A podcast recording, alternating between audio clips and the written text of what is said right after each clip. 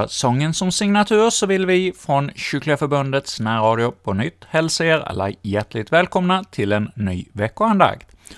Och nu till helgen så har vi ju fjärde söndagen i advent, och vår betraktelse denna gång kommer just att utgå från denna helgs tema. Och temat för denna söndag är eh, Herrens mode. Och Pekka Heikkinen kommer idag att leda vår andakt, och han talar just om Maria, Jesu mor.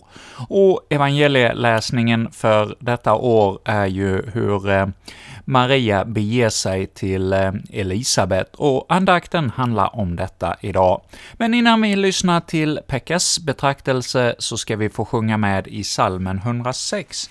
Jerusalem, höj upp din röst, och dotter Sion, fatta tröst. Ja, vi får fatta tröst vid det budskap vi hör när det berättas om Jesus, vår frälsare. Ja, vi lyssnar till denna psalm 106. Jerusalem, häv upp din röst och dotter Sion, fatta tröst.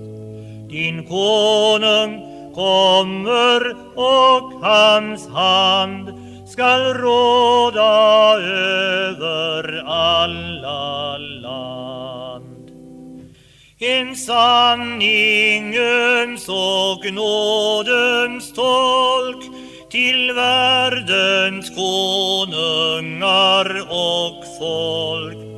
Han kommer, frid hans hälsningar och kärleken hans spira bär. Ett salighetens sändebud till jordens barn från jordens Gud. Han kommer, hoppet föregår och glädjen följer i hans spår. All världen stämme upp med fröjd, pris vare Gud i himlens höjd. Välsignad blive jordens krets och människan bättrad och tillfred. I Faderns och Sonens och den helige Andes namn. Låt oss bedja. Kristus konung som hör hemma hos vår Gud till evig tid. Du fick mänsklig kropp och stämma och kom hit med tröst och frid. O Guds son och människors like, hör en själ som lyfter sig, längtande att nalkas dig. Av en ringa jordisk moder, Herre du dig födas lät, och blev människornas broder, döljande ditt majestät. Låt dig födas i mitt hjärta, i mitt liv och härska där du som Gud och evig är. Amen. Vi ska nu läsa en av de som jag tycker vackraste texterna i Bibeln. Den som handlar om hur Jesu havande mor Maria besökte sin äldre släkting Elisabet som också var havande nämligen med Jesu förelöpare Johannes döparen. Så här lyder den vackra texten. Vid den tiden skyndade Maria till en stad i Juda bergsbygd och gick in i Sakarias hus och hälsade på Elisabet. När Elisabet hörde Marias hälsning spratt barnet till i hennes moderliv och hon blev uppfylld av den helige Ande och ropade med hög röst Välsignad är du bland kvinnor och välsignad är din livsfrukt. Men varför händer detta mig, att min Herres mor kommer till mig?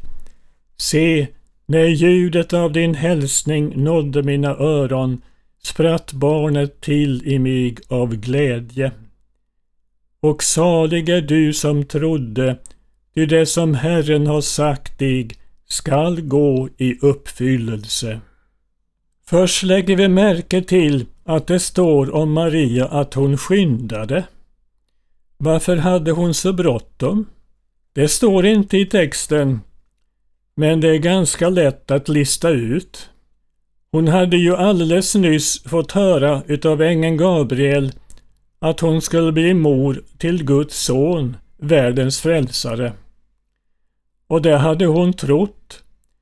Men vi ska inte tänka att det var så lätt för henne att tro som det verkar utav texten. Djävulen höll sig säkert framme och ifrågasatte om hon verkligen kunde bli havande med Gud själv. Och det till och med utan någon man. Jesu födelse skulle ju bli en jungfrufödelse. Gud visste att Maria skulle anfäktas utav djävulen. Därför hade han låtit ängeln Gabriel säga till Maria att även hennes gamla släkting Elisabet hade blivit havande. Hon som hade rykte om sig att vara ofruktsam och att hon nu befann sig i sjätte månaden av sitt havandeskap. Och ängeln Gabriel hade tillagt för Gud är ingenting omöjligt. Då tänkte Maria förmodligen det där måste jag se. Och så skyndade hon sig iväg för att få se. Och med en gång när hon hälsade på Elisabet så upptäckte hon naturligtvis att Elisabet var havande.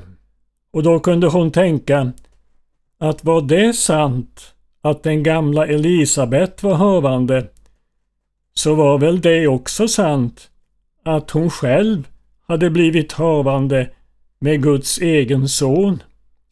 Även om det undret var större än det som hade hänt med Elisabet. Detta är också ett skönt exempel på hur Gud väl känner sina barns frestelser och hur underbart han kan hjälpa dem att tro och lyda Gud. För det andra lägger vi märke till att barnet i Elisabets moderliv spratt till när Elisabet hörde Marias hälsning och att Elisabet blev uppfylld av den helige Ande. Och vi har anledning att tänka att hennes barn samtidigt blev uppfyllt utav helig Ande. Barnet befann sig ju i hennes moderliv när anden kom över Elisabet. Varför spratt Johannes döparen till vid Marias hälsning? Ja, det står ju i texten att det skedde av glädje. Detta säger mycket om de små barnen, ja redan de små fostren i moderlivet. De, de ska inte föraktas och än mindre ska de dödas i sina mödrars liv. Redan då kan de glädja sig. Fast vi inte kan begripa hur. Om Gud vill kan han redan då uppfylla dem med sin helige Ande och sker det inte då så sker det säkert när de blir döpta. Därför ska späda barn döpas och det ska de bli snart.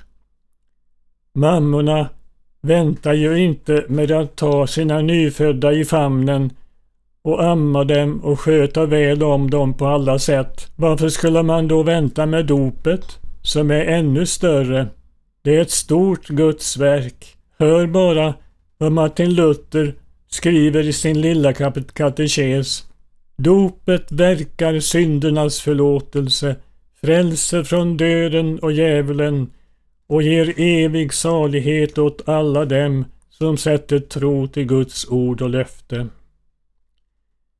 Barn kan ju inte tro av sig själva, men det kan inte vi vuxna heller. Utan när någon kommer till, till tro så är alltid Gud som hjälper människan. Sen kvittar det om det gäller de små barnen eller de vuxna. För det fjärde lägger vi märke till vad Elisabet sa när Maria hade hälsat på henne. Det står inte att hon sa något utan det, det står inte att hon sa någonting utan det står att hon ropade med hög röst. Välsignad är du bland kvinnor och välsignad är din livsfrukt. Ordet välsigna kan betyda två saker i Bibeln. När det talas om att Gud välsignar så betyder det att han skänker något åt den som blir välsignad. Någonting stort och gott. Gud har viss, hade visserligen välsignat Maria genom att göra henne havande med sin enfödde son och det utan att någon jordisk man blev inblandad. Troligen var det mest den välsignelsen som Elisabet tänkte på. Och när hon sa att Maria var välsignad bland kvinnor tänkte hon på att Maria var den enda kvinnan i hela världen i alla tider som blivit så rikligt och märkvärdigt välsignad. Ordet välsigna kan också betyda att berömma och lovsjunga. Först och främst är det ju Gud som ska berömmas. Men Elisabet ville nog lyckönska även Maria till hennes stora välsignelse. Inte på något tillbedjande eller avgudiskt sätt utan i sin stora glädje och förundran över Guds verk med Maria. För det femte lägger vi märke till vad Elisabet säger i fortsättningen.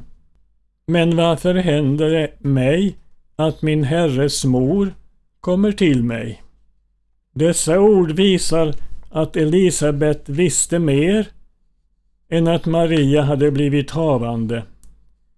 Hon visste också vem Maria hade blivit havande med, nämligen med Herren, det vill säga med Gud själv. Där fanns inte bara en sann människa i jungfru Marias liv, utan det fanns sann Gud. Många förnekar visserligen att denne Jesus från Nasaret som omtalas i Nya Testamentet skulle vara alla människors herre och skapare. Men när Jesus kommer tillbaka från himmelen och håller dom, då ska alla bekänna att han är Herren. De troende ska göra det gärna och med glädje. De otrogna ska göra det under tvång och skam. Vad Elisabet beträffar så bekände hon gärna och med glädje att Maria väntade ett barn som var hennes livs herre. Hon bekände också hur ovärdig hon var till att hennes mor, hennes herres mor, kom och besökte henne. Men, pros, men trots det måste Elisabet också ha känt sig oändligt glad och tacksam över att hennes herres mor hade kommit till henne. Jag tänker också på att denna text lär oss något om välsignelsen av att kristna människor umgås med varandra och pratar med varandra. Vi människor är som det heter sociala varelser. Vissa människor trivs visserligen mer med, med, mer i ensamhet än andra. Men alla vill vi väl ha något sällskap. Först och främst ska det ske i den gemensamma gudstjänsten, där det också får en särskild gemenskap med Herren själv. Hebreerbrevets apostel skriver Låt oss inte överge våra sammankomster så som en del har för vana. Detta så mycket mer som ni ser att dagen nalkas. Men hur gott kan det inte vara att även på någon eller flera utav veckans vardagar få träffa kristna vänner. Man ska inte tvinga varandra att prata om andliga ting. För blir det tvång så kan det bli ett missbruk utav Guds ord. Men ibland så ter det sig naturligt att man samtalar om kristendomen och särskilt om Jesus Kristus. Och särskilt det är en utav de trognas käraste samtalsämne. Så som Maria och Elisabet blev varandra till glädje och gemenskap när de träffades så kan det bli för kristna än idag.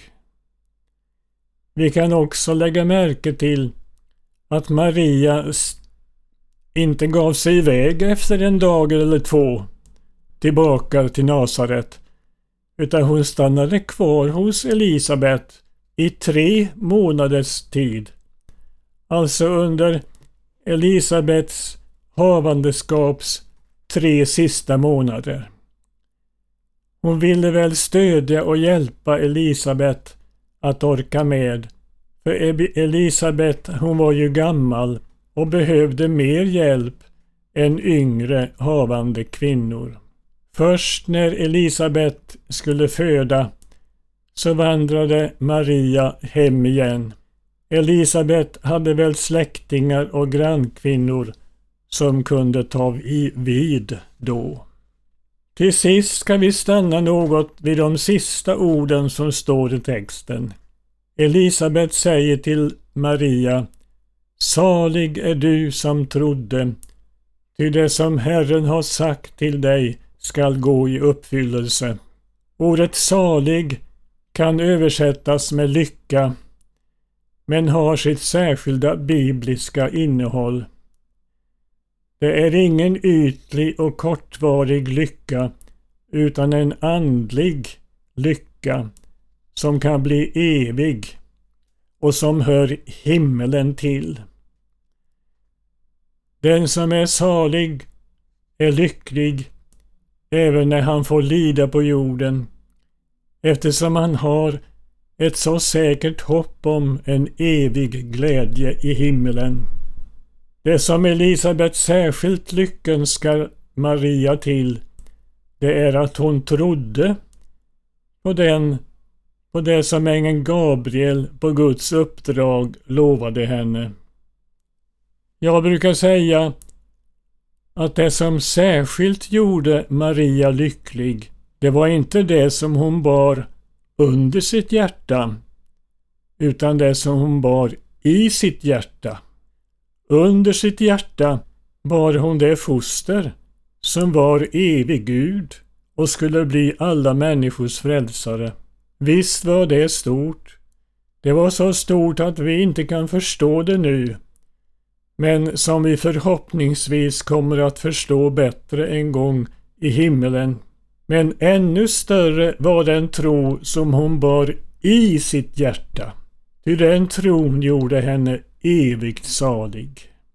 Därför finns det inget som en människa ivrigare och mer mest uthålligt skulle söka efter än tron på Jesus. Den söker vi i de tre nådemedlen ordet, dopet och nattvarden. Och då är det viktigt att förstå att man med tro inte menar bara en historisk tro, alltså inte att man tror att det är sant att Gud blev människa Jesus och att han offrade sig till förlåtelse för att sedan efteråt fara till himmelen och bedja för oss där. Denna historiska tro är ju viktig. Man kan ju inte säga att det inte är sant som står i Bibeln.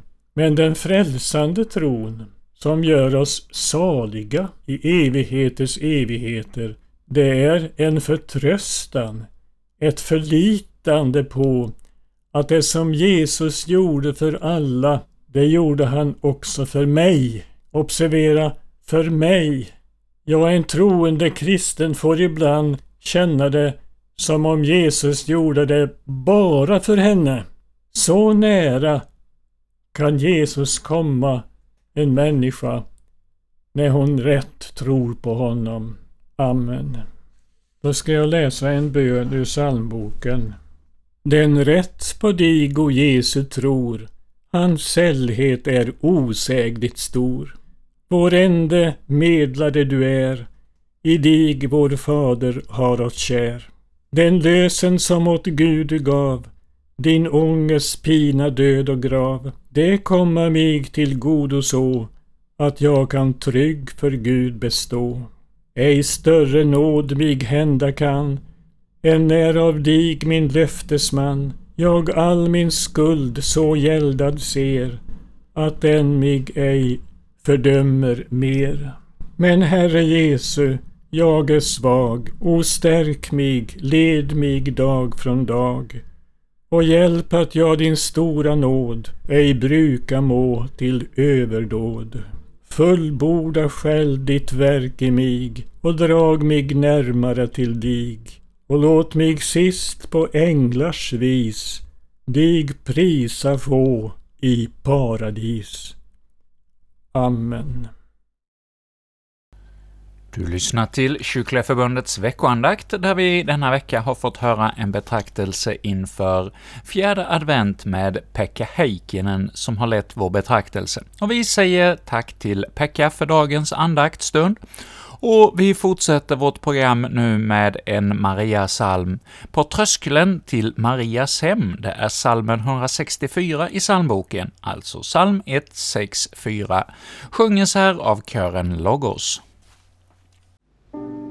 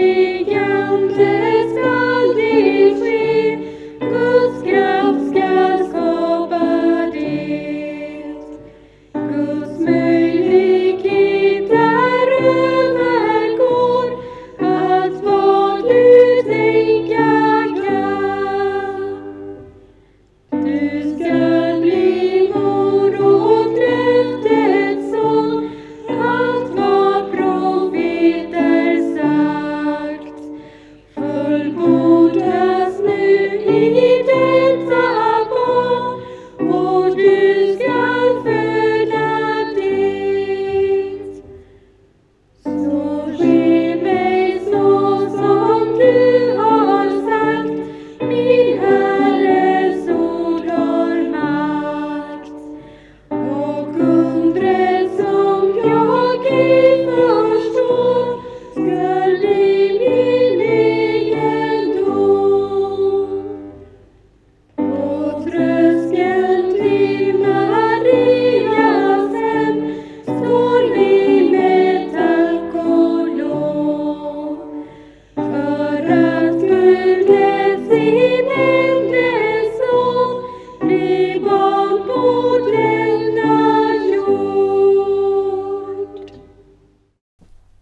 sjöng kören Logos-salmen 164 för oss, som en avslutning på Kyrkliga Förbundets veckoandakt denna vecka.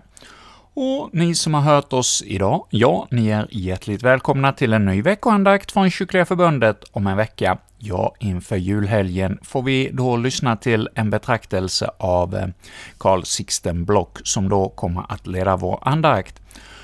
Och ja, vi från Kyrkliga Förbundet säger tack till er alla och kan också nämna att möjligheten att höra våra program när du själv vill, om du inte har tillfälle när andakten sänds antingen i Växjö eller Borås närradiostationer och har internet, ja, gå då gärna in på vår hemsida, kyrkligaförbundet.se.